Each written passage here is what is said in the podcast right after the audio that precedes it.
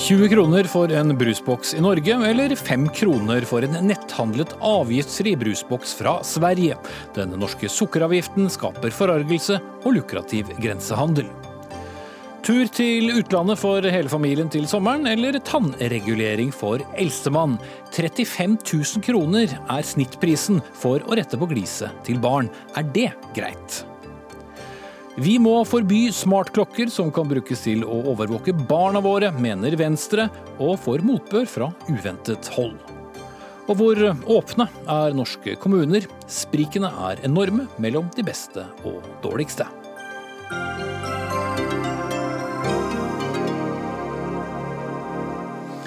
Ja, velkommen til tirsdagens Dagsnytt 18 med Espen Aas.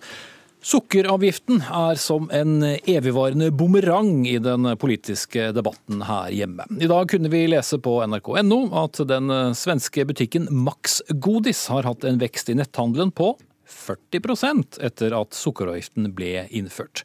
Det var ved nyttår at sukkeravgiften økte med 83% til store protester fra enkelte norske aktører. Og Knut Arild Hareide, leder av KrF. Har du måttet ty til grensehandel i det siste for å mette sukkerbehovet? Nei, det har jeg ikke gjort. Jeg mener det er bra at, vi, at sukkerholdige varer skal koste mer i, i, Norge. Derfor så foreslo jo vi å innføre en generell moms, så øke momsen på den type varer som faller inn under sukkeravgiften. Øke momsen, det var vårt forslag. Så ble ikke det vedtatt. Istedenfor så ble det et forslag om å øke sukkeravgiften. Eh, jeg tror det for så vidt er bra, men jeg ser det har noen uheldige virkninger. Derfor så bør vi gå videre, se på forslag som kan nettopp gradere sukkeravgiften. Det vet vi skjer i enkelte land i EU. Så er det sånn at du må ha en merkeavtale for å få det sannsynligvis gjennomført i Norge. Men å gå videre med det med eh, UK, eh, de har nå gjort det. Finland jobber med det samme. Og så er det klart at det er krevende med den type sukkeravgift, kombinert med den 350 kroners grensa som ligger der. Og jeg syns det er veldig gode grunner til å endre den 350 kroners grensa. Det var mange, mange momenter i et eh, svar der. Vi skal komme inn på, på, dem etter hvert. Men eh, bare for å summere opp, du forsvarer fortsatt eh, denne sukkeravgiften, som da var et resultat av budsjettforliket mellom dere og, og regjeringspartiene? Ja, det gjør jeg. Jeg mener det var et riktig steg. Og de effektene vi ser nå, er en kombinasjon av sukkeravgiften og den 350 kroners grensa. Men jeg syns KrFs forslag som vi hadde i budsjettet, det var enda bedre det er altså i realiteten å innføre full moms på den type vare som det har både en helseeffekt, og jeg vil òg si at den type vare er jo ikke blant de som er de mest nødvendighetsvarene. Derfor syns jeg det er grunner for å ikke ha halv moms, sånn som vi har på maten generelt. Mm. Trygve Slagsvold Vedum, leder av Senterpartiet. Galskap kaller du denne sukkeravgiften, og mener regjeringen bør snu. Hvorfor tar du i så hardt? Ja, det er jo galskap. Altså, ta det eksempelet som er på radioen nettet i dag. Da, at Hvis du da kjøper en brus som sendes fra Sverige, og du tar den brusboksen ut ved Post i butikk, så koster den fem kroner. Null moms, null avgift til norske stat, og kjøpmannen tjener ingenting. Men hvis du da kjøper den samme brusboksen i butikken, så koster den 20 kroner. Eh, og det er jo en helt galskap at vi skal, sponse svensk industri, svensk eh, dagligvare og svenske arbeidsplasser og straffe norske. Og så Når man ser da f.eks. Max Godis, da, som er en av de store aktørene, sender 15-20 tonn med godteri over grensa hver bidige dag. Altså vi har, eh, eller ikke vi, KrF, Frp, Høyre og Venstre har lagd en ordning der man flytter arbeidsplassene aktivt. Og når man da øker f.eks. sjokolade- og sukkeravgifta med 83 men den avgifta fungerer ikke heller. For f.eks. Bugatti fikk Ja, unnskyld. Ja, men bare for å stoppe litt der. Men så Ville du da heller at ikke det var noen avgift? At det skulle vært så mye billigere for eh, det som vi før kanskje pleide å kalle for, for fyvarer? Nei, vi ønsker, altså, I vårt budsjett så ønska vi at det bare skulle stå stille. Altså ønska vi ikke den 350-kronersgrensa. For det er helt uansvarlig å øke en avgift med 83% over natta.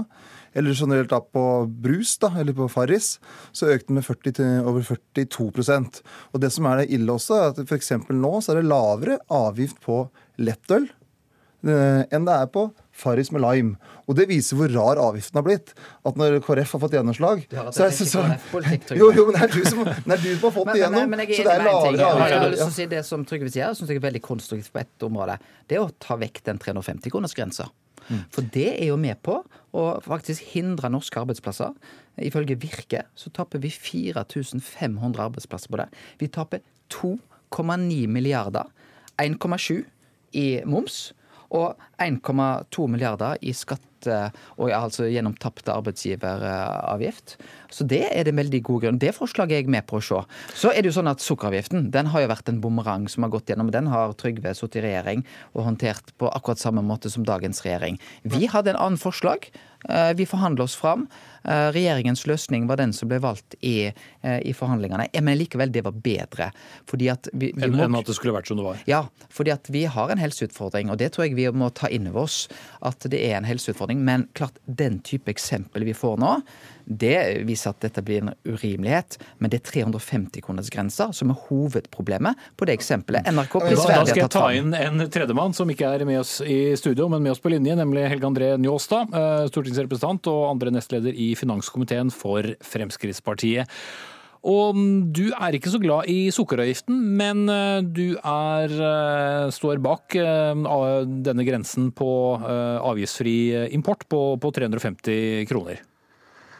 Ja, det er jo en veldig viktig Frp-seier eh, at vi fjerner det urimelige gebyret for å legge i moms og toll, som kom på over 100 kroner per forsendelse. Eh, det betydde jo da at alle som importerte småvarer fra utlandet måtte betale en hundrelapp på toppen. Så Fremskrittspartiet var veldig glad for at vi klarte å øke den. Eh, sånn og nå får vi importert masse billig brus også?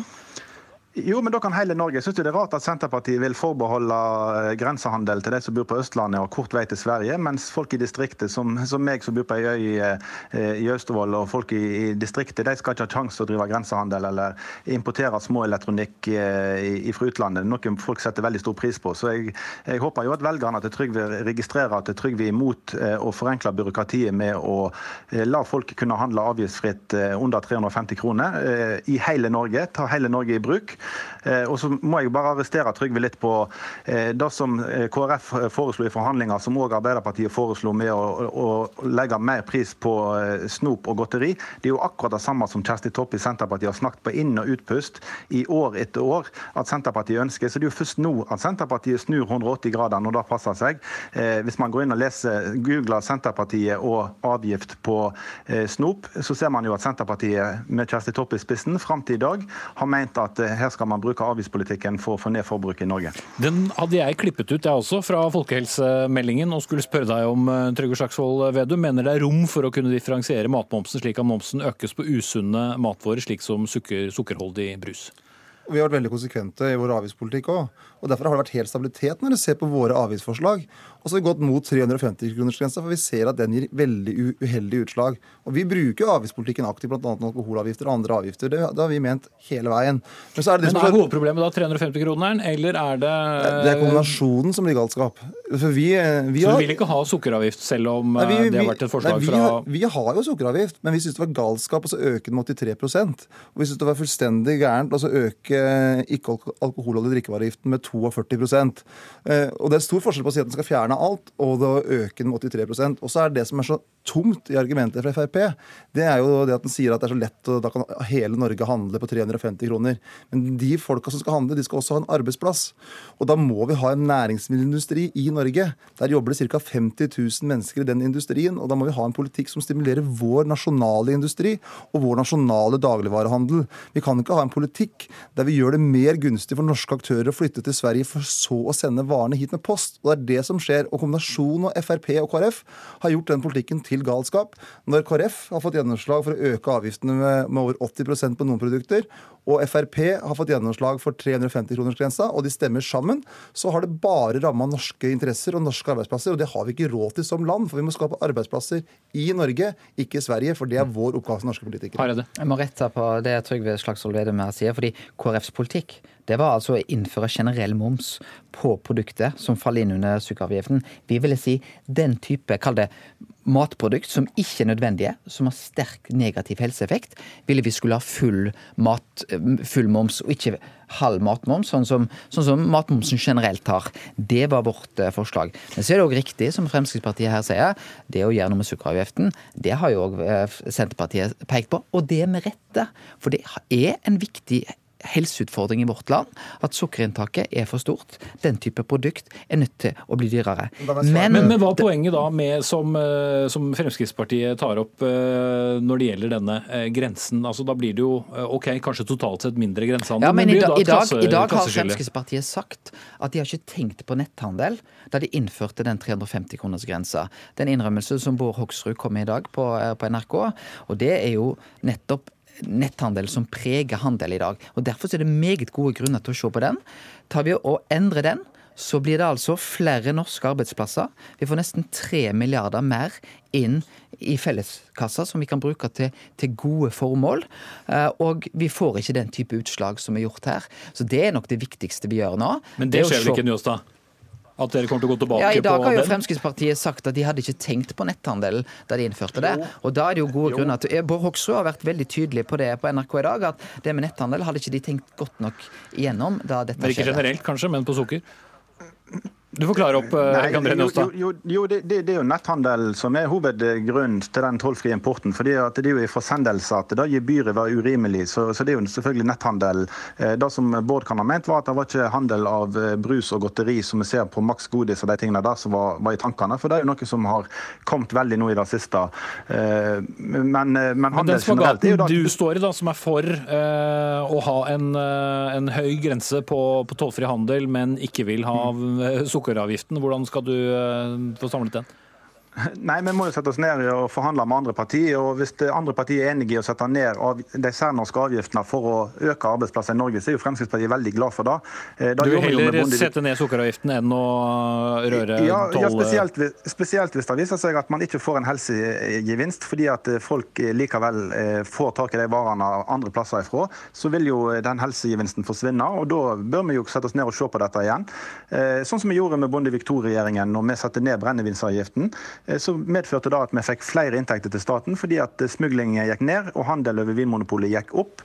Og så gikk staten sine inntekter opp. Så vi kan godt gjøre samme modeller igjen i forhold til grensehandel, og ta grensehandel litt på alvor for å sikre Norge, norske arbeidsplasser. Det er Fremskrittspartiet opptatt av. Og så får vi sette oss ned og snakke med de andre partiene. Det er Frp som har stemt for denne sjokkøkninga på 83% Så hadde det ikke vært for Frp sine stemmer, så hadde det her aldri skjedd. Og det må dere svare for. Og det som gjør at det her blir så dårlig folkehelse Det her som gjør at det blir så dårlig folkehelse folkehelseargument eh, også er jo at eh, f.eks. et produkt som Nugatti har ikke fått økt, økt avgift, men et eh, vitamintilskudd for barn, vitaminbjørner, har fått 83 økt avgift. Altså, men hvis du tar det store Nei, men, men Trygve, Trygve, nå, må du, nå må du gi deg med de vitaminbjørnene. For det var, det var akkurat samme, det var, det var akkurat samme differansen når du satt i regjering i åtte år. Men vi økte ikke avgiftene med 80 Njåstad først, og så videre. Dere økte avgifter i de åtte årene òg på eh, disse produktene som vi snakker om. I forhold til drikkevarer så økte dere avgiftene. Og Går man inn i alternativt budsjett, så ville dere hatt en sjokkavgift på tobakk og på alkohol i inneværende år. Så grensehandel med Senterpartiet sitt alternative budsjett ville vært minst like ille som dette. Fordi at eh, det er varer som trigger grensehandel i større grad enn eh, en disse varene gjør. Så, så Trygve må ikke gjøre seg høy og mørk i forhold til grensehandel. Senterpartiet er vel kanskje det partiet som har bidratt mest til å sørge for at vi har grensehandel på det nivået vi har. Vi, vi, har vært opptatt av en ting til, selvfølgelig, og det er å sikre norsk landbruk. og Derfor har jeg også tollvern som sikrer norsk næringsmiddelindustri der. Så vi har én konsekvent linje, og det er å sikre norsk industri, norske arbeidsplasser, og ha en fornuftig politikk som sikrer norsk dagligvarehandel. Og det er det som er problemet nå, at summen av gode intensjoner i Frp og KrF har blitt dobbelt ille. Og det rammer norske arbeidsplasser og norsk dagligvarehandel på en veldig kraftfull måte. Og, jeg, og I Telemark så har man sagt opp folk på en kildevannfabrikk der. Cola Norge sier at de vil ikke investere i Norge, for de har merka at det har vært en eksplosiv vekst i Sverige. Og så er det jo sånn at en veldig stor andel av veksten nå i mineralvann er på sukkerfrie produkter som treffer ikke sukker. Man treffer Farris Lime, Pepsi Max, andre sukkerfrie ting. Men så man, man, gjorde det for å få inn penger, og da må man heller si det. Og så må man si at man gjorde det feil, for det her straffes norsk handel så kraftfullt som den gjør i dag. Men hva ville du gjort for å begrense da inntaket av sukker? Vil du bare la det være som du har og si drikk mindre brus og spis eh, mindre godteri? Inntaket av sukker har gått veldig ned de siste åra. Eh, og det har vært en bransjeavtale mellom næringsmiddelindustrien og staten som har gjort at det er færre og færre av oss som kjøper en cola. Vi kjøper heller en Farris Lime. Det er færre og færre av oss som kjøper sukkerholdige produkter. Så det har gått ned hvis jeg ikke husker helt feil, jeg tar på husken, med én kilo sukker i året i snitt. Så vi har fått en veldig reduksjon i sukkerinntaket i Norge, og det har vært en god politikk. Men her har vi da kalt det en sukkeravgift, Men så er det ikke det reelt, og du straffer da produkter som rett og slett ikke har sukker, og da blir det dobbelt ille. Mange eksempler her nå, Ja, og, Hareide. og jeg synes det, det Trygve Slagsvold Vedum her sier, viser jo at hadde KrFs forslag i budsjettet blitt vedtatt, det gir en generell økning på momsen, det hadde vært et langt bedre tiltak enn det som òg ble i budsjettavtalen. Så er jo paradokset at eh, når de eksemplene han kommer med, så har jo òg da han satt i regjering sjøl, de har vært på akkurat samme måten. Eh, Og det er jo grunnen til at vi kanskje bør se på sukkeravgiften generelt. Det høres ut som den beste ideen ut fra den diskusjonen her. At det da er, trenger vi, nok en, eh, da trenger vi en tydeligere merking. Det må vi gå for et samarbeid, for i lag er det ikke et generelt forbud, eller påbud om å nettopp merke varene etter sukkerinnhold. Eh, Kommer det påbudet, da vil det være enklere å gradere avgiften etter det. Det vil være den beste løsningen. Men 350-kronersgrensa, den bør vi gjøre med, noe med uansett. Eh, Den er uheldig, eh, spesielt for norske arbeidsplasser. Vi taper altså, jeg har nevnt det før, 4500 arbeidsplasser. Og, når jeg har hatt møte med NHO, så har jo de bl.a. pekt veldig tydelig på at det er den grensa vi er nødt til å gjøre noe med nå. Og da bør du stemme sammen med Senterpartiet, ikke sammen med Frp. Så da Eh, Ja. Men, eh, eh, men da sier du også til veldig mange forbrukere at ok, dere får tåle å ha eh, dyre sjampoer, dyre bøker, dyre plater. Eh, eller kjøp kanskje ikke så mange plater Altså, lenger, men altså veldig mange produkter som er eh, mye dyrere i Norge enn i Danmark, enn eh, enn i Sverige. Nei. Det får man bare tåle. Nei, det som er poenget er jo at momsen eh, den er naturlig at du betaler både om det er et norsk produkt eller et dansk produkt. Det er helt naturlig. Det er en, eh, det er en avgift som er på alle produkt. Det spesielle nå er jo at pga. den 350-kronersgrensa, så får du ikke moms opp til 350 kroner. Og EU de gjør det på en annen måte. De har moms fra første krone. Eh, og de vil jo òg innføre det mot tredjeland, som Norge. Men du kan fortsatt kjøpe fritt innenfor EU eh, fra land til land på postordre. Ja, men de, de kommer med dette nå. Så de kommer nettopp til å innføre det som da vil være KrFs eh, forslag, med å innføre moms langt tidligere.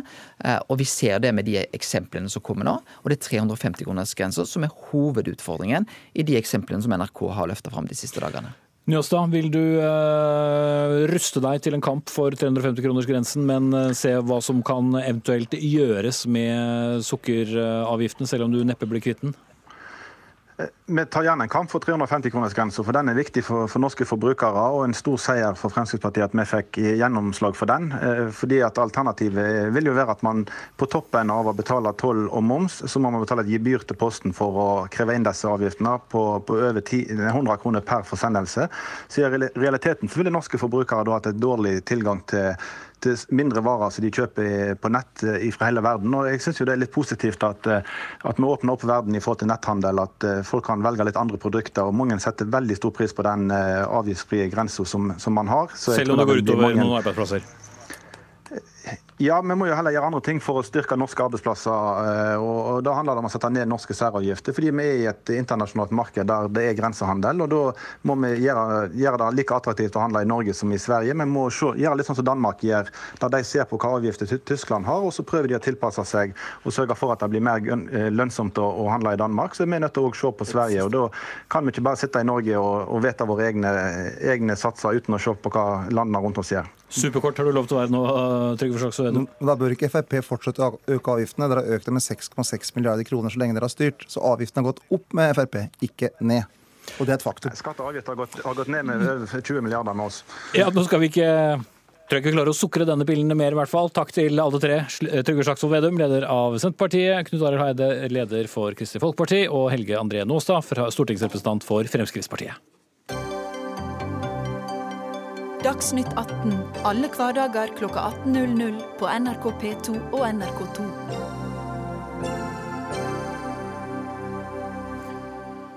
Er du en av dem som har kjøpt GPS-klokke til barnet ditt fordi det gir gode muligheter til å vite hvor hun eller han er, og sågar har muligheten til å lytte etter hva som skjer? Vit da at partiet Venstre vil ha forbud mot den slags. Det bestemte faktisk partiet på landsmøtet i helgen. I det konkrete forslaget heter det at partiet vil citat, forby produkter rettet mot barn som kan brukes til avlytting av private samtaler uten samtykke.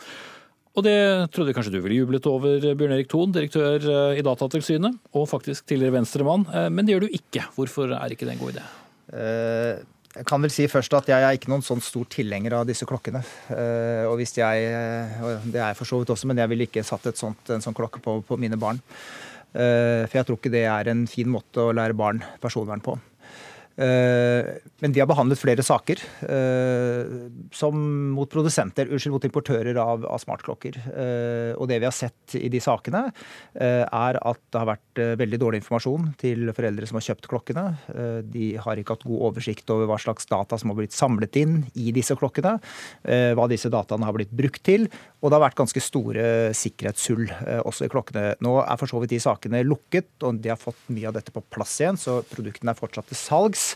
Eh, men Spørsmålet er jo hvordan man skal regulere dette. Eh, og jeg må nok si at jeg er veldig i tvil om det å forby eh, et produkt som man ikke liker, er riktig vei å gå. For hvis vi skal ha et forbud, så må vi også kunne håndheve det forbudet. Og sånn som teknologien er nå, den utvikler seg i rasende fart, så ser jeg ganske mange vanskeligheter med å håndheve et forbud mot en spesifikk teknologi som i dette tilfellet kan kalles en sånn slags for overvåkningsteknologi. Eh, det finnes masse apper som kan lastes ned på mobiltelefoner. Eh, det finnes treningsarmbånd som barn kan bruke. Eh, det finnes treningsarmbånd som barn og foreldre kan bruke og koble mot hverandre for å se hvor de trener og hva de trener. Og jeg er helt sikker på at vi kommer til å få masse spørsmål hva som er lov, hva som er ikke lov, hvis vi kommer med et forbud på, dette. Så, så jeg syns intensjonen til Venstre. Og jeg syns det er flott at Venstre er opptatt av personvern, og at de tar personvernet til barn på alvor, men jeg syns ikke det å forby disse klokkene Ellers er jo ikke det klokker de forbyr, men det er jo da produkter rettet mot barn mm. uh, som kan avlytte. Jeg tror ikke forbudet er veien å gå her. Da skal vi over til det liberale partiet. da. Leder i Unge Venstre, Sondre Hansmark. Det var deres forslag som også blir venstrepolitikk, som ble vedtatt venstrepolitikk. Hvorfor, hvorfor var dette en viktig sak? Nei, Jeg er helt enig i at vi ikke kan forby alt vi ikke liker. Det er jo et uh, fint uh, venstreprinsipp. Men vi har også et veldig viktig prinsipp som sier at min frihet stopper der din begynner. Og Vi har jo sett at disse klokkene er utrolig problematiske for barns personvern.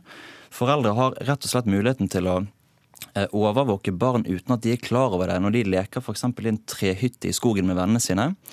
Og Hvis ikke det høres ille nok ut, så kan de også skru på disse klokkene i klasseromsituasjoner.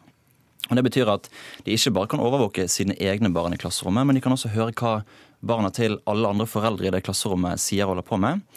Og for å ta kanskje det aller mest problematiske Foreldre har også mulighet til å skru på disse eh, klokkene for å avlytte hvis barn er hos legen eller hos helsesøster.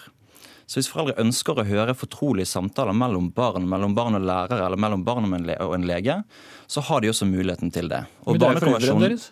Ja, og Barnekonvensjonen slår fast at barn har rett til personvern. Og Vi ser at barns personvern og personvernet generelt er svekket i en digital tidsalder. Man har fått en rekke tiltak som svekker personvernet mitt og ditt. Digitalt grenseforsvar, skjermavlesning og nå disse smartklokkene som truer den friheten hver og en av oss har til å ha et rom som bare er vårt. Og så ser man det at barn har blitt spesielt glemt. Man tror gjerne at barn ikke har rett på noen hemmeligheter, rett på et privatliv, men jeg mener absolutt at de har. Det er ikke sånn at foreldre skal få lov til å kunne vite hvor barna er til enhver tid, eller hva de sier til enhver tid. Du må også ta disse liberale prinsippene på alvor når det kommer til barn. Men er det et stort problem? Uh, altså jeg er jo helt enig i egentlig alt som blir sagt her. Uh, uklok bruk av teknologi, at man overvåker barn i klasserom, at man vet hvor barna er hele tiden. Jeg, jeg, synes, jeg tror det er veldig uheldig. Uh, og også foreldre som overvåker barn. altså Foreldre har en viktig rolle i å lære barn om personvern. Sånn at de kan være ja, flinke til å respektere andres personvern når det gjelder spredning av bilder eller hva det måtte være. Og da er det selvfølgelig kjempeproblematisk hvis barn, foreldrene selv overvåker barna sine. Da er det vanskelig å lære de opp til det. Men uklok klok bruk av teknologi, eh, det, det, har vi levd med i mange år. Og vi har stort sett klart å håndtere det ganske bra. Hva skal eh, foreldre gjøre da? Altså ikke, ikke gi dem klokker? Ja, Det er jo vårt råd. Eh, jeg tror det er mye bedre at man har de gode samtalene med barna sine. Dette er jo produkter som selges som trygghetsprodukter. Og jeg er ikke helt sikker på om det er et produkt som gir så mye trygghet, at det kanskje kan gi en falsk trygghet isteden.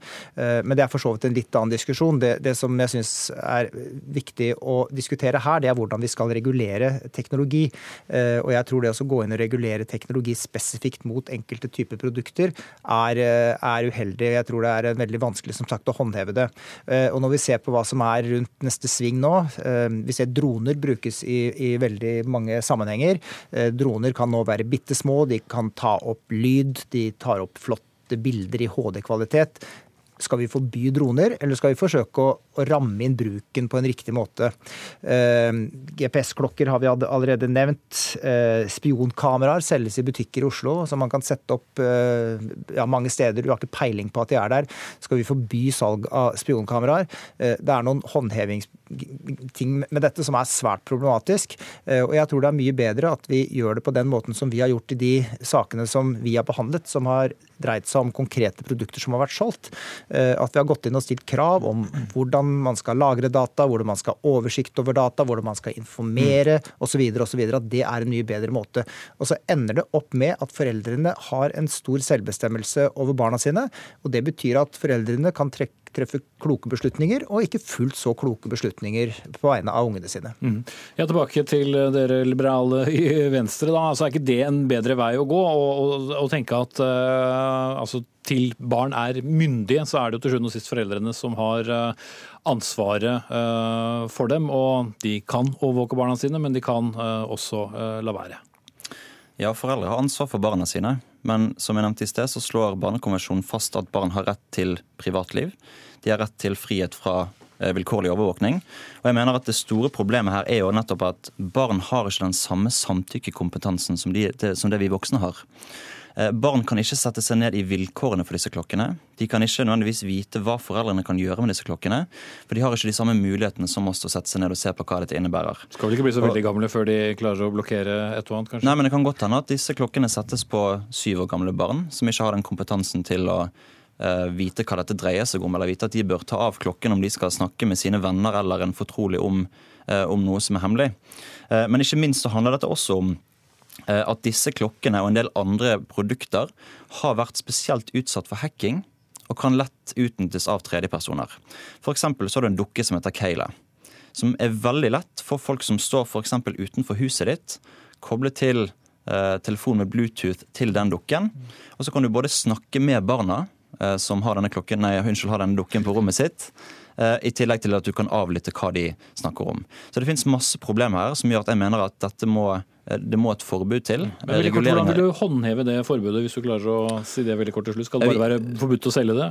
Vi ønsker først og fremst å ha et forbud mot, uh, mot, salg av sånne produkter. At man skal stoppe de produktene som Så Norge har... kan bli et land hvor disse produktene ikke selges? Det har man gjort allerede i Tyskland. Så har, det har jo vist seg at dette er mulig i andre land. Og jeg ønsker først og fremst å gå etter de klokkene som kan avlytte barn uten at de er klar over det.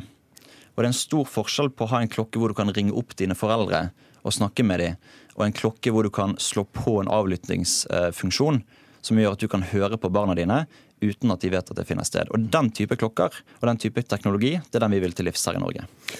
Da setter vi strekk. Debatten hadde i hvert fall samtykke fra begge to her. Takk skal dere ha, eh, Sondre Hansmark fra Unge Venstre og Bjørn Erik Thon.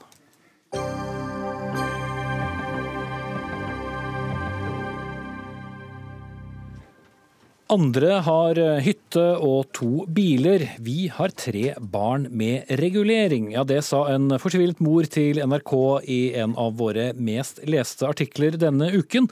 For eh, tannregulering, det kan bli dyrt. Faktisk koster det i gjennomsnitt 35 000 kroner per barn, der egenandelen ligger på mellom 7 og 23 800 kroner. En av tre unge har i dag tannregulering. Og slik det fungerer i dag, så utføres de aller fleste tannreguleringstjenestene privat, der klinikkene og markedet langt på vei styrer prisene, og foreldrene må da altså betale mellomlegget. Og Den egenandelen så vil du gjøre noe med, vil du gjøre noe med Niklas Wilkinson, stortingsrepresentant fra SV og medlem i helse- og omsorgskomiteen på Stortinget. Hva er det dere foreslår? Vel, Vi mener jo at tenna er en del av kroppen, og da burde det også være en del av egenandelsordningen for helse, sånn som andre ting er. I Norge i dag er det sånn at hver tiende, nesten hver tiende nordmann får ikke dekka helsebehovet sitt for tenner, og halvparten av de minst sier at det er pga. høye priser. Så da funker ikke dagens system. Altfor mange får ikke hjelpen de trenger. Det må vi gjøre noe med. Det hørtes dyrt ut. Ja, det koster 10 milliarder kroner. Dvs. Si en liten andel av de skattekuttene regjeringen har gitt. Men det er ikke gjort i en håndvending. Altså, dette vil ta tid. Men SV gjør jo i sine alternative budsjetter dette. Vi viser at det går an å prioritere det, og det mener vi er riktig. fordi altså, disse pengene betales jo i dag i samfunnet. De brukes på tannhelse, men de betales privat. Sånn at de rike kan få, og andre ikke kan få. Så hvis vi har råd til det aleine, så har vi også råd til det i fellesskap gjennom skatteseddelen. Så vi skal felles finansiere rette tannstillinger på, på barna, og eh, folk da skal kun måtte betale en egenandel på 2500? Ja. Da skal jeg eh, vende meg eh, Jeg må først si at Dagsnytt 18 har bedt både Helsedepartementet, Frp og Høyre om å stille til denne debatten. Ingen hadde anledning, som det heter. Men Jon Egil Tønnevold Fiane, du er leder i Norsk kjeveortopedisk forening. Og kjeveortopedisk, altså tannregulering. SV foreslår denne egenandelen på 2500 også hos private, og staten tar resten. Er det greit? Vi har jo en ordning i dag eh, når det gjelder finansiering av eh, tannreguleringsbehandling, som er behovsprøvd. Eh, det er en ordning hvor, hvor behandlingsbehovet er delt inn i middels, eh, behandlingsbehov som et klart behandlingsbehov, helt opp til de her som har, eh, har store behandlingsbehov. Og egenandelen er da forskjellig? Ja, og egenandelen, og egenandelen er forskjellig. Eh, bakgrunnen for det er jo en, en, en, en prioriteringstankegang som har, som har lagt til grunn i, i flere år fra politisk hold, om at en ikke ønsker å dekke utgiftene til eh, tannreguleringsbehandling fullstendig. Men har Men du mange nok barn, så har du en utgift på 100 000 kroner på tannregulering. Eh, nå er det sånn at sånn som, sånn som, sånn som ordningen for dette er i dag, så styres dette i et fritt marked. Det vil si at det er pris, fri prisfastsetting, og det er konkurransen Eh, mellom eh, reguleringstannlegene som er med å regulere prisen. Ja, hvorfor vil det være dumt om det kom en ordning lik det vi har på andre helsetjenester, som også gjaldt tennene? Vi er jo veldig glad for at eh, SV ønsker å gi kjeveortopediske pasienter en bedre trygdeordning enn det vi har i dag. Det som jeg er redd for, og det som bekymrer oss med en, en løsning som dette, det er at et prioriteringsspørsmål veldig fort kommer opp. Eh, fordi eh, en tannreguleringsbehandling er en veldig kostnadsintensiv behandling. Eh, vi er høyt utdanna tannleger. Vi går åtte år i, i, på universitetet for å få utdannelsen vår. Det er dyrt å starte praksis, og det er dyrt å å, å, å gjennomføre en, en, en, tannreguleringsbehandling. Så dere er redd for ikke å tjene det inn igjen? Nei, vi er redd for at det vil være pasientgrupper som ikke får tilgang til behandling eh, eh med et sånt et forslag. Hvorfor det? Eh, for det skjønte jeg ikke. Eh, det vil jo være fordi at det i dag er egenandeler som gjør at det er penger i trygdesystemet til å gi et tilbud til en stor del av, av, av barn og unge. Fordi at Eh, noen eh, Fordi at en har en differensiert refusjons, eh, refusjonsordning. Og egenbetalinga tar en del av de utgiftene som det koster med tannreguleringsbehandling. Det er ikke sånn at tannreguleringsbehandling blir noe billigere hvis dette her blir for en større offentlig finansiering. Men billigere for men, men, jo bli. Ja, men vi er jo redd for at det vil være sånn at uh, grupper med en stor gruppe av pasienter som i dag har trygderettigheter, ikke vil ha noen rettigheter i det hele tatt, fordi at de må nedprioriteres. Sånn? Dette er veldig spesielt, for det er i dag veldig mange mennesker ikke får noe tannhelsebehandling. Det er i dag fordi det er så dyrt. Det er en som heter Patrick, som har vært ute i media, og han har fått dårlige tenner fordi han hadde en astmamedisin som ødela tennene. Han vil måtte betale 200 000 kroner for å få den reparert. Det har ikke han råd til. Og selv hvis du har råd, hvorfor er det sånn at på tannhelser, hvis du har uflaks, kommer ut i en ulykke, så skal hele familien din, familieøkonomien din bli ødelagt. Så det er en amerikanisering av norsk helse, hvor vi må være redde for om det plutselig kommer en krise. Men det er en ting som er viktig her. Og det er at ja, vi kommer til å måtte prioritere, men det gjør vi også i dag. Og det Helsedirektoratet sier, ekspertene på dette, er jo at nå er det helt ute av kontroll. Fordi at kjeveortopedene de er den eneste gruppen i norsk samfunn som kan sette en pris og så må skattebetalerne betale. Det er veldig lite kontroll. Og nå sjekka jeg prisen på hva koster tannlegen. Og én behandling kan koste mellom 2690 kroner eller 663 kroner. Altså, dette viser jo at det er total mangel på kontroll, så vi vil ha bedre priskontroll. Eller et bedre marked kontroll med hvor man kan fastsette prisen Men ut fra dette er jo et marked hvor prisen fastsettes etter såkalt konkurranse. Men det som er problemet er at det er en konkurranse hvor bare de rike kan kjøpe seg plass. Det er jo i dag folk stenges ute. Og det vi i SV sier, altså for det ble sagt her, vi har lang, vi har lang eh, utdannelse og det koster mye penger. Ja, men vet du hva? Å få en hjerteoperasjon av en hjertekirurg, det koster ufattelig mye penger. Men i Norge så mener vi i SV at du skal få helse etter behov. Hvis du er syk i hjertet, får du hjerteoperasjon. Og hvis du har dårlige tenner, ja, da skal du også få tannhelsehjelp betalt av det offentlige. Fianne? Nei, Dette kan jo være en ordning som, som, som, som må diskuteres, men, men det, dette vil jo medføre en uh, omveltning av all trygdefinansiert uh, tannbehandling i Norge. Og vil kreve en, en, en, en, en, en, en betydelig eh, konsekvensutredning for, å, for, for, for at en skal kunne ta et sånt et skritt. Mm. når det gjelder hva koster tannlegen, det var det jeg ville si noe om. Og eh, hva koster tannlegen har ikke fungert som en portal i forhold til å kunne gi god nok pris på tannreguleringsbehandling sånn som det er i, i dag. Det er en av de Som tingene også er et nettsted man kan gå og som er sjekke prisene på. ja, som, som, som Forbrukerrådet har. Eh, og, og eh, det er en av de tingene vi har tatt, eh, tatt, eh, tatt initiativ til overfor, overfor for helse, Helsedirektoratet og overfor Forbrukerrådet. Eh, at hva koster tannlegen må gjøres noe med, sånn at, at, at eh, pris for tannregulering eh, kan komme fram på en ordentlig måte. For det er det vi mener Så at du mener til. den er feil? eh, Men uh, Det, det er et teknisk problem, men det som, det, vi mener at utfordringen med, eh, med systemet sånn som det er i dag, vi ser òg at det er store forskjeller. Eh, Vi ser òg at, eh, at det kan være vanskelig for pasientene eh, og foresatte å, å, å, å, finne fram i, i, i, i, markedet. Men det er ikke noe galt med markedet sånn som det Jeg mener jo det at markedet sånn som vi har det i dag, det har store fordeler. Vi er et langt og, og, og, og, grisgrendt land, og det må være, være om å gjøre for oss å kunne tilby god behandling av god kvalitet hei, i hele landet. Og fri prisfastsetting og muligheter for eh, reguleringstannlegene til å kunne ha sitt eget firma, eh, kunne ha, sin, kunne ha et levebrød på dette her, eh, det er viktig for at en, ha, at en kan ha en etablering av kjeveortopeder rundt om i landet. og Men er årsaken jo- til at vi har så god etablering som det vi har. Men vi har jo helsetjenester over hele landet, og jeg tror det er helt sikkert en del foreldre som fortsatt lurer litt på hvorfor eh, det vil være en dårlig ting for dem å heller betale 2500 i egenandel istedenfor å betale nesten 24 000. Nå er som sagt dette et forslag som, eh, som, som eh, må grundig konsekvensutredes.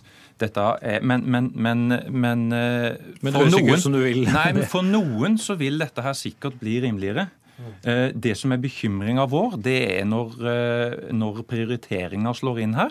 Tror, Hva slags prioriteringer altså fra, på helsebudsjettene? ja, for det at da må jo eh, som, Hvis vi ser til Sverige, da, som har en ordning hvor, hvor det er gratis kjeveortopedisk behandling i den offentlige tannhelsetjenesten. Det er ikke så unaturlig å sammenligne oss med dem. Eh, Og eh, I Sverige så er det sånn at det er store grupper av pasienter eh, som ikke får eh, tilbud om eh, tannreguleringsbehandling, som i Norge får har rettigheter i folketrygden. De fleste i denne Fordi det da blir en annen grense om, Ja, om, om, man da er- trenger det eller er- ikke. ja, da og det bringer meg over til deg. da, liksom, altså, Det er jo spørsmålet altså, hvor kosmetisk eh, behandling av tennene. altså hvor skal da grensen eh, gå for før staten skal spytte inn ganske mange tusenlapper av skattebetalernes penger til å rette opp noen, eh, noen unge gommer? Kosmetisk behandling må folk betale selv. Men der den en lege sier at her er det behov for behandling, der må de få hjelp. Og Det er jo samme system vi har i dag, bortsett fra at i dag så er det fri prisfastsettelse. Og jeg tror en av grunnene til at noen tannleger har vært mot dette, er jo fordi jeg tror man ser at for oss i SV så vil jo vi at tannhelsetjenesten skal bli større. Da skal vi bruke mer penger. Men da må vi også være mye sikre på at de pengene brukes riktig. Vi kan ikke sløse bort penger. Det vil dermed også kreve en bedre kontroll med prissetting i det markedet. I dag så, eller For noen år siden så hadde jo BT f.eks. en sak om, om reguleringsmillionærene. Det mener vi er galt. Vi mener at i fellesskapet så skal vi ta vare på hverandre. Og da må vi også ha tannhelse delt over helsebudsjettet, ikke bare private lommebøker. Ok, Niklas Wilkinson fra SV og Jon Egil Tønnevold eh, Fiane, leder av Norsk kjeveortopedisk forening. Der måtte jeg holde min egen kjeve litt rett, for å si det. Eh, fortsatt blir nok spørsmålet for en del familier Gran Canaria eller kjetting på tennene, men debatten om hvorvidt munnen skal være en del av folkehelsen eller ikke, vil nok helt sikkert fortsette. Thank you. Pressens eh, offentlighetsutvalg har i en undersøkelse sett på åpenheten i våre mange norske kommuner. Og hva betyr det? Jo, delvis hvordan innsynskrav blir håndtert, delvis hvordan tilgjengeligheten av viktig informasjon på kommunenes hjemmesider fungerer, og også et spørreskjema til kommunene selv, eh, skriver Pressens offentlighetsutvalg. Og det er store sprik mellom de beste kommunene. Ørland, som har blitt premiert med 26 poeng, og Kautokeino med minus seks poeng. Og Siri Gjedde Dahl, eh, leder av dette offentlighetsutvalget. Hva er det viktigste dere har funnet ut?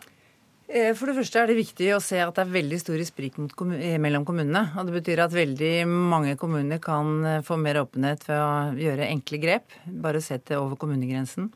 Så ser de at noen gjør det bedre. Så har vi, vi undersøkte dette her i 2011 òg, så det er en del ting som er bedre. Alle har postjournal på nett, bortsett fra Kautokeino, som ikke har hatt operativ hjemmeside siden før jul. Nesten alle har politiske dokumenter på nett. Men en av de viktige funnene som vi syns er betenkelig, det er at veldig mange kommuner tar bort journalpostene i postjournalen veldig fort etter at de er lagt ut. og Da blir innsynet veldig lite reelt. Mm. For de som har lyst til å se rett og slett hva slags uh, skriftlig kommunikasjon som er ja, mellom kommunen og alle? Postlisten er nøkkelen til innsyn i kommunene, for da ser du hva slags korrespondanse som går ut og inn, og hva som skjer i kommunen. Så det er ikke bare journalister som bruker det på vegne av allmennheten, men allmennheten selv bruker det, og mange andre bruker det som har saker som vedrører kommunen. Mm. Så det handler kort og godt om hvor mye kommunen da kan holde hemmelig i, i, i hermetegn, eller i hvor stor grad de, de gjør eh, eh ting tilgjengelig. Ja, altså dette det handler om tilgjengelighet. Det forteller jo ikke alt om åpenhet i kommunene. Vi vet jo fra andre undersøkelser og andre erfaringer at uh, det er først når du står i kontroversielle saker og ber om innsyn og, og, skal ta tak i dokumenter, om du ser om kommunen virkelig er åpen, om den har journalført dem, om de ligger der i arkivet, om de holder dem tilbake osv. Så, så dette er bare én side uh, av åpenhet, men det er en viktig side som det er lett å gjøre noe med, for det er tilgjengeligheten av dokumenter og bruken av nettet effektivt og håndtering av innsynskrav. Vi har også rettet et innsyn tilsynskrav til alle kommuner som er likelydende, og sett hvor raskt de responderer på det. Mm. Men er det så overraskende at det er store forskjeller? Det er jo stort sett store forskjeller på norske kommuner på alt mulig annet? Nei, det er kanskje ikke så overraskende, men det er veldig viktig å dokumentere. Eh, vi har fått, eh, Det er masse presseoppslag på dette her eh, rundt omkring i landet, og tanken er at de som gjør det dårlig, skal skamme seg, og de som gjør det bra, skal få lov til å feire. Jeg vet at det har vært marsipankake i Ørland kommune i dag, og det unner vi dem veldig. Gratulerer. Men vi vil at det skal skje noe i Nord-Norge bl.a., som kommer veldig dårlig ut som landsdel. Veldig mange kommuner som blir dårlige an. Og når det er 30,5 poeng som er maks, og Hammerfest f.eks. ligger på fire poeng, så er det, det er noe de må se på, noe de må gjøre. Mm. Vi har forsøkt å invitere noen kommuner i dag som har takket nei, men Helge Eide, områdedirektør for, i, i, KS for interessepolitikk, hvordan reagerer du på den undersøkelsen? Altså 25 kommuner med fem poeng eller mindre? Ja, 25 av 423 eh, kommuner eh, er jo kanskje i seg selv ikke noe sjokkerende tall, men, men først og fremst syns jeg dette er en veldig spennende og eh, interessant undersøkelse. Og, og aller viktigst av alt, det, er et godt hjelpemiddel for alle kommuner. Her er det god dokumentasjon på hva hver enkelt kan, kan gjøre. Og som Siri Gelle Dahl sier, også i enkelte tilfeller med relativt enkel ressursbruk, så kan man gjøre ting bedre for, for å, å styrke åpenheten i kommunene. Det er bare til kommunenes fordel. For det er jo selvsagt sånn at eh, kommunene lever av tillit eh, til sine eh, innbyggere. Én ting er den yrkesgruppen som Siri Gedde Dahl representerer, men enda viktigere er jo selvfølgelig innbyggerne i den enkelte kommune. Og åpenhet er faktor nummer én for, for tillit. Så her er det bare å gripe fatt i undersøkelsen og gjøre noe fort med det man kan gjøre noe fort, og så jobbe med det man kan bli bedre. Og når, Siri Gedde Dahl sier at noen bør skamme seg, så får det stå for, for, for hennes regning. Men selvfølgelig enda viktigere er jo at man jobber med, med forbedringspunkt på, på, dette feltet. Det er til kommunenes egen interesse. Ja, altså Nå opererer jo kommunene selvfølgelig selvstendig eh, når det gjelder eh, mye. Dere er jo da deres interesseorganisasjon. Men kunne KS også gjort noe for at dette var litt mer eh, strømlinjeformet? Altså, Mer strømlinjeformet tror jeg ikke KS skal ha noen uh, ambisjon uh, om å gjøre. Det har vi lover og forskrifter til for å, å, å, regulere, og vi er jo alle enige om at lover og forskrifter er til for å, å holdes. Og, og det, det, mest alvorligste som jo er i undersøkelsen, er jo der det påpekes brudd på lovkrav, som selvfølgelig ikke er noe diskusjon om og skal, skal gjøre noe med.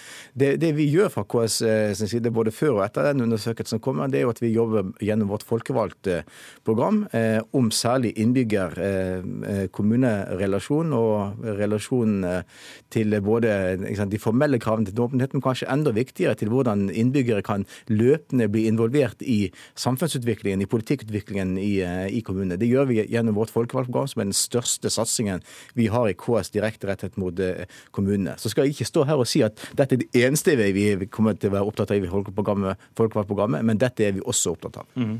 Hva mener du, Gendal? Har, ja. har KS et, et, ansvar Ja, det er definitivt et ansvar. Altså, De kan bruke dette her, og det ser vi veldig positivt hvis de gjør. For alt det er verdt. Og vi skal sende brev til alle kommuner om hvordan de kan bli en åpnere kommune ved å krysse av disse skjemaene ved at de har gjort det og det. Men det er en del ting som jeg spesielt vil adressere til KS å ta tak i. Det er bl.a. Et, et styrevervregister som KS har opprettet prisverdig i en ledd for åpenhetsarbeid fra KS sin side. Der er 20% av kommunene ikke registrert, for det er frivillig å være der. Mm -hmm. Det er rett og slett for å se hvilke eierinteresser ja, og hvilke ja, forskjellige ja, Ansatte og tillitsvalgte er registrert med økonomiske interesser, styreverv osv. Og, så og ikke minst er det interessant eh, ansatte i byggesaksavdelingen, hvilke firmaer har de aksjer i når de skal gi ut byggetillatelser. Det er den type ting du kan se der. Så det er veldig bra at de har et sånt register, men en femtedel av kommunene er ikke der, og nesten ingen kommunale selskaper. Veldig få kommunale selskaper er registrert der. Og det er, nå vet vi at det er utrolig stor del av kommunal virksomhet som er flyttet ut i selskaper etter hvert. Så det er virkelig en sånn mørk krok. Journalistene er heller ikke flinke nok til å gå på dem. Men eh, de har bl.a. plikt til å føre postliste, alle som er omfattet av offentlighetsloven. Veldig mange av dem gjør det ikke. Og veldig få av dem er registrert der. Det er to indikasjoner på at det er en mørk krok som KS bør ta fatt i. Absolutt. altså. Det var ikke engang mulig til å få ut av KS en, en liste over hvilke selskaper som kommunene hadde da vi jobbet med undersøkelsen. Det er kommunal rapport som har oversikt over, mm. ikke KS. Ja, Hva sier du til det? Ja, Styrevervregisteret er jo eh, et verktøy som vi har utviklet på kommunenes etterspørsel. Det er jo de som ber oss om å gjøre jobber for de, for å styrke mulighetene til å fremme åpenhet eh, i forvaltningen. Og igjen gjentar at det er helt av, vi er helt avhengig av det for å få tillit hos, eh, hos innbyggerne. Og, og hvis det, den undersøkelsen kan bidra til at ytterligere flere kommuner velger å ta det i bruk, så er vi veldig glad for det. Ikke sant? Så den tillitserklæringen hvis noen gjør det, så, så, er dere glad, men dere har ikke tenkt å Jo, og styr, styrevervregisteret kan jo da eh, eh, si det, det inngår som eh, en del av det vi eh, går gjennom som gode verktøy i folkevalgtprogrammet, som altså da møter samtlige norske lokalpolitikere og fylkespolitikere i løpet av en fireårsperiode. Og det er ikke for mye ressurser å bruke dette? Styrevervregister er et veldig enkelt verktøy. Jo, men Generelt altså på, på åpenhet, hvis det kan du se ut som noen ikke prioriterer det så høyt? Ja, altså, når det går på, på, bruk av ulike verktøy som er, er, frivillige, så er jo virkeligheten sånn at det finnes masse ulike verktøy på ulike felter rundt omkring, og det er alltid en sånn kapasitetsvurdering. Det, det er den kommunale eh, hverdagen. Vi er hjertens enige i at styrevervregisteret er enkelt å bruke.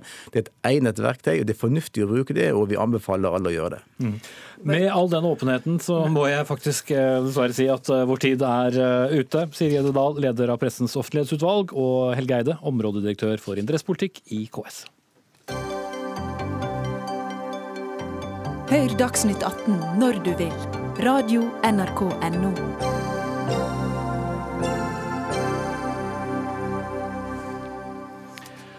Forskere og eksperter etterlyser endring i dagens eksamensordning, og mener den er urettferdig. I en undersøkelse om kvaliteten på sensorenes karaktergiving basert på avgangseksamen i norsk skriftlig våren 2015, viser det seg nemlig at det er store sprik i sensorenes vurderinger. Denne studien ble først omtalt i Dagsavisen. Og Liv Katrine Krog, du er lektor ved Horten videregående skole og med oss på eh, linje her. Eh, hva var det mest oppsiktsvekkende funnene eh, som du har sett på i din masteroppgave? som du har sett på dette? Ja, eh, det mest eh, oppsiktsvekkende er kanskje at eh, det vurderingssamsvaret mellom de to sensorene som skal vurdere eksamen, fortsatt er såpass lavt som sist det ble undersøkt på 90-tallet på samme eksamensform. Da. Så, og også det at en av oppgavetypene skiller seg klart ut i forhold til å trekke, trekke dette i feil retning. Ja, altså I hele er, 630 ja. av 4500 vurderinger så viste seg altså å være sprikvurdering. og For at dere mm. skal slippe å regne ut det der mm. hjemme, så er det altså 14% av, av hele utvalget. Men er det, også, er det så overraskende? Nei, akkurat dette med sprikvurdering er ikke så overraskende. Og en sprikvurdering på 14% er ikke nødvendigvis så mye. Ehm, det at Eh, to sensorer ikke setter nøyaktig den samme karakteren, er ikke eh, alarmerende i seg sjøl. Eh, noe av poenget med at de skal sette hver sin karakter, er jo at de skal møtes etterpå og diskutere seg fram til som, hvilken karakter som er den riktige. Og sprik betyr ikke at eleven ikke får riktig vurdering. Men når jeg går inn i utvalget mitt av tekster også, så, så ser jeg det at Eh, akkurat de tekstene som har fått sprikvurdering, ikke nødvendigvis er de som har kommet dårligst ut av vurderingen. Det er kanskje snarere de der sensorene har vært enige, og da ser det tilsynelatende greit ut. Men fordi det er så ulike normer blant sensorene, så kommer eh, vurderinga likevel gærent ut. Og da blir det urettferdig? Det kan i hvert fall bli det. Uh, urettferdig tenker jeg litt sånn tabloidord, i hvert fall sånn i forskningssammenheng. Men, uh, men det, altså når, når, vi regner på det statistisk, så blir det i hvert fall vanskelig å ha helt tillit til systemet, og det er uheldig. Ja. Kjell Lars Berge, professor i retorikk og språklig kommunikasjon ved Universitetet i Oslo. Du er ikke så overrasket over disse funnene? Nei, nei, det, Vi kjenner veldig godt til problemet med denne typen prøver. og Jeg gjorde jo denne undersøkelsen på 90-tallet som eh, Krog viser til, og den viste faktisk nøyaktig samme resultat. Og Da var det altså så veldig lav korrelasjon som 0,56 i snitt, og det er en for lav korrelasjon til at det er troverdige prøver. I internasjonal forskningslitteratur på dette feltet er det helt entydig krav om at å være 0,7 er minimumskravet. Så det er, det er, lav reliabilitet. Nå datt hele, nesten hele publikum ja, den biten der. Det er jo det som er litt problemet her. Nei, det betyr at det er, ganske, det er, ganske, stor usikkerhet med bedømmelsen. Så betyr at det er grad, liten grad av troverdighet. Det er det som er problemet. Mm. Men hva skulle vært gjort, da? Nei, altså Det er mange måter å gjøre det på. Hvis man øker antallet tekster man besvar, vurderer, så får du et større troverdighet. Hvis du kvalifiserer sensorene, gjør de til et tolkningsfellesskap, altså flere vurderere på samme tekst, så blir det også bedre reliabilitet. Så et alternativ til rettssystemet f.eks. være at elever leverer tekster over året, og så vurderes de sammen eller enkeltvis, og så får de mye mer troverdig vurdering. Så et mappevurderingssystem f.eks. ville kunne øke reliabiliteten betydelig, og følgelig så ville elevenes karakter ha en mye større grad av sikkerhet. Og vi som da skal overta de på universitetet, vi vet at den karakteren eh, dekker den faktiske kompetansen og ikke en tilfeldighet. Mm. Fordi at eh, to sensorer eh, leser en tekst på to forskjellige måter er kanskje ikke kjempeoverraskende? Nei, altså det er ikke det, men det går an å gjøre noe med det. Altså jeg kan jo fortelle at Vi utvikla nasjonale utvalgsprøver i skriving, og der oppnådde vi veldig høy grad av reliabilitet med å utvikle et nasjonalt vurderingspanel. Klare normer, standarder, forventningsnormer. En klar forståelse av hva vi skulle vurdere, og dermed så oppnådde vi det. Men det ble nedlagt av Utdanningsdirektoratet for øvrig. til tross for at det kosta 40 millioner å utvikle dem. Men sånn er det. Apropos, eh, vi inviterte Kunnskapsdepartementet til Dagsnytt 18. De kunne ikke stille. Men Sissel eh, Skillinghaug, du er eh, divisjonsdirektør i Utdanningsdirektoratet. Hvordan reagerer du på disse funnene? Dette er jo ikke ukjent for oss. og det er heller ikke sånn at vi mener Nei, Hvis det har vært samme resultat for 14 år siden, så er det ikke så ukjent. eksamen er ikke, et, det er ikke et perfekt system på noen måte, men det er i hvert fall et system som fanger opp at det er sprik mellom første og andre sensor, som vi kaller det. Eh, og det er et system som har elementer som prøver å adressere det. Og det Krog peker på det, det er en fellessensur. Den spriken som omtales her, det er det forslaget som de to sensorene har satt før de møtes og skal sette en endelig karakter. Og så skal de jo faktisk møtes da og diskutere seg gjennom eh, begrunnelsene for de karakterene de har foreslått, og bli enige om en endelig karakter.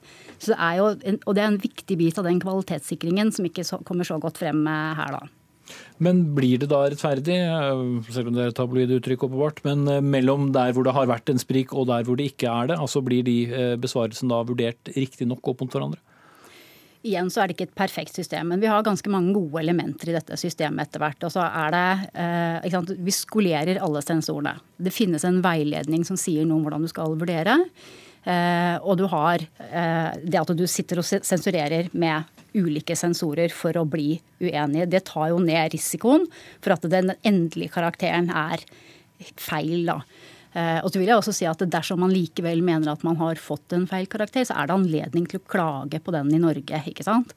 Eh, men, men, igjen, det er ikke et perfekt system. Vi forsøker hele tiden å jobbe for å adressere noen av disse problemstillingene. Og det vi sitter og diskuterer her i dag, er jo nettopp et resultat av at vi gjør den type analyser i mye større grad nå. Og at vi prøver ut ulike typer kvalitetssikringer da, for å få til enda bedre eh, samsvar mellom eh, Men ingen radikale endringer av systemet? Altså Systemet er jo som det er i dag. Men som Kjellars Kjell Lars Berge også påpeker, så har vi jo en stor læreplanrevisjon gående. Eh, og det er klart at med nye læreplaner så bør man også se på sammenhengen mellom eh, det læreplanene sier at elevene skal lære, og det vi tester til eksamen. Eh, der har vi som en del av våre faglige råd til departementet foreslått en større gjennomgang av det systemet.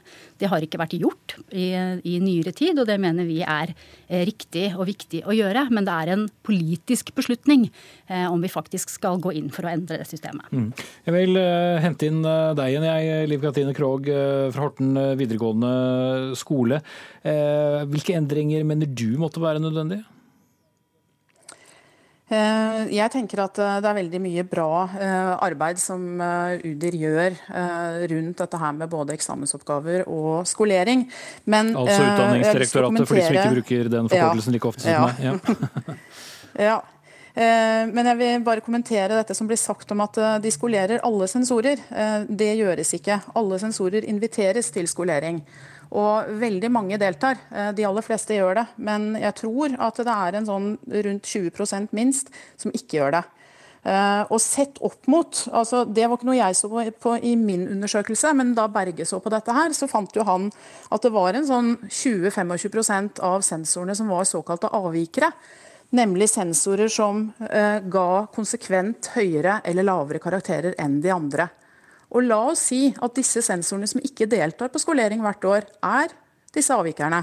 Det trenger det ikke være. Det kan være litt av hvert. Men eh, jeg syns jo i hvert fall at den, og det, det syns jo veldig mange sensorer i det hele tatt, at denne skoleringa bør være obligatorisk for alle. Mm. Da får alle tilgang til uh, de retningslinjene som kommer. Mm. Berge før. Ja, altså, dette illustrerer jo problemet, og det har ikke skjedd noen forbedring på 20 år. Så det er helt opplagt at her må politisk hold tas en beslutning. Vi vil gjerne ha en offentlig utredning om, om vurderingssystemet i skolen. Altså Vi skal ha en ny læreplan som skal være læringsstøttende. Og til den læreplanen så trenger vi et vurderingssystem som er tilpassa den læreplanen. For det er ikke noen tvil om at eh, dere ser resultatene av dette på universitetene? Nei, altså det er ingen tvil om det. Og vi er nødt til å altså Det finnes i dag, i motsetning til for 20 år siden, det finnes det internasjonalt gode løsninger på vurdering. Det finnes gode miljøer, det er gode miljøer i Norge. Vi kan lage et veldig godt vurderingssystem i Norge hvis politikerne gir oss lov til å gjøre det. Mm. Så det er bare å sette i gang arbeidet i det politiske miljøet, sette i gang et offentlig utredningsarbeid. Så vil vi med veldig få år få et veldig godt vurderingssystem som er bygd på en læreplan som er vurderingsbasert, sånn som denne læreplanen som gjelder nå. Mm. Ingen problemer, det er bare å sette i gang. Hva skal vi gjøre med disse 20% som ikke følger opp Skjenge? På sensorskolering? Eh, ja, altså Det har vært eh, utredet flere ganger hvorvidt man bør ha en obligatorisk sensorskolering. Men det er klart det er veldig veldig kostbart. Eh, og så vet vi også at sensorskolering er veldig populært. Det er De aller aller fleste kommer. Det nevnes 20% Det er et tall jeg ikke kjenner. Det varierer litt fra ulike fag. De fleste fag For så fall så er det ganske mange, én av fem? Ja, ja det, det ville være veldig mange. Men, og i noen fag kan det ha vært riktig også. Men det er ganske få, og det er populært. Og vi har vel vurdert at det vi har ikke så, nødvendigvis så veldig mye mer å hente på å gjøre det obligatorisk, for det vil alltid være noe frafall. Men sensorskoleringer er et populært tiltak. Det er mange sensorer som ønsker å være med på det. Mm. Men før jeg runder av, forstår jeg det da rett at systemet er greit nok? Det er jo ikke opp til meg å vurdere endelig. Det er som sagt en politisk beslutning. Men i forbindelse med den læreplanrevisjonen som vi har nå, så har vi anbefalt departementet bl.a. å gjøre en større gjennomgang av hele sluttvurderingssystemet. Og det inkluderer også standpunktvurderinger. Vi snakker om eksamen, og det er viktig, det. Men det utgjør tross alt bare en 15-20% av elevenes karakterer på et vitnemål. Ok, eh, Dagsnytt 18 har langt flere enn to sensorer, i hvert fall. Se Twitter for nærmere karaktersetting av dagens sending, som er eh, over. Ansvarlig for den var eh, Dag Dørum. Det tekniske ansvaret hadde Eli Tosterud. Og her i studio satt Espen Aas.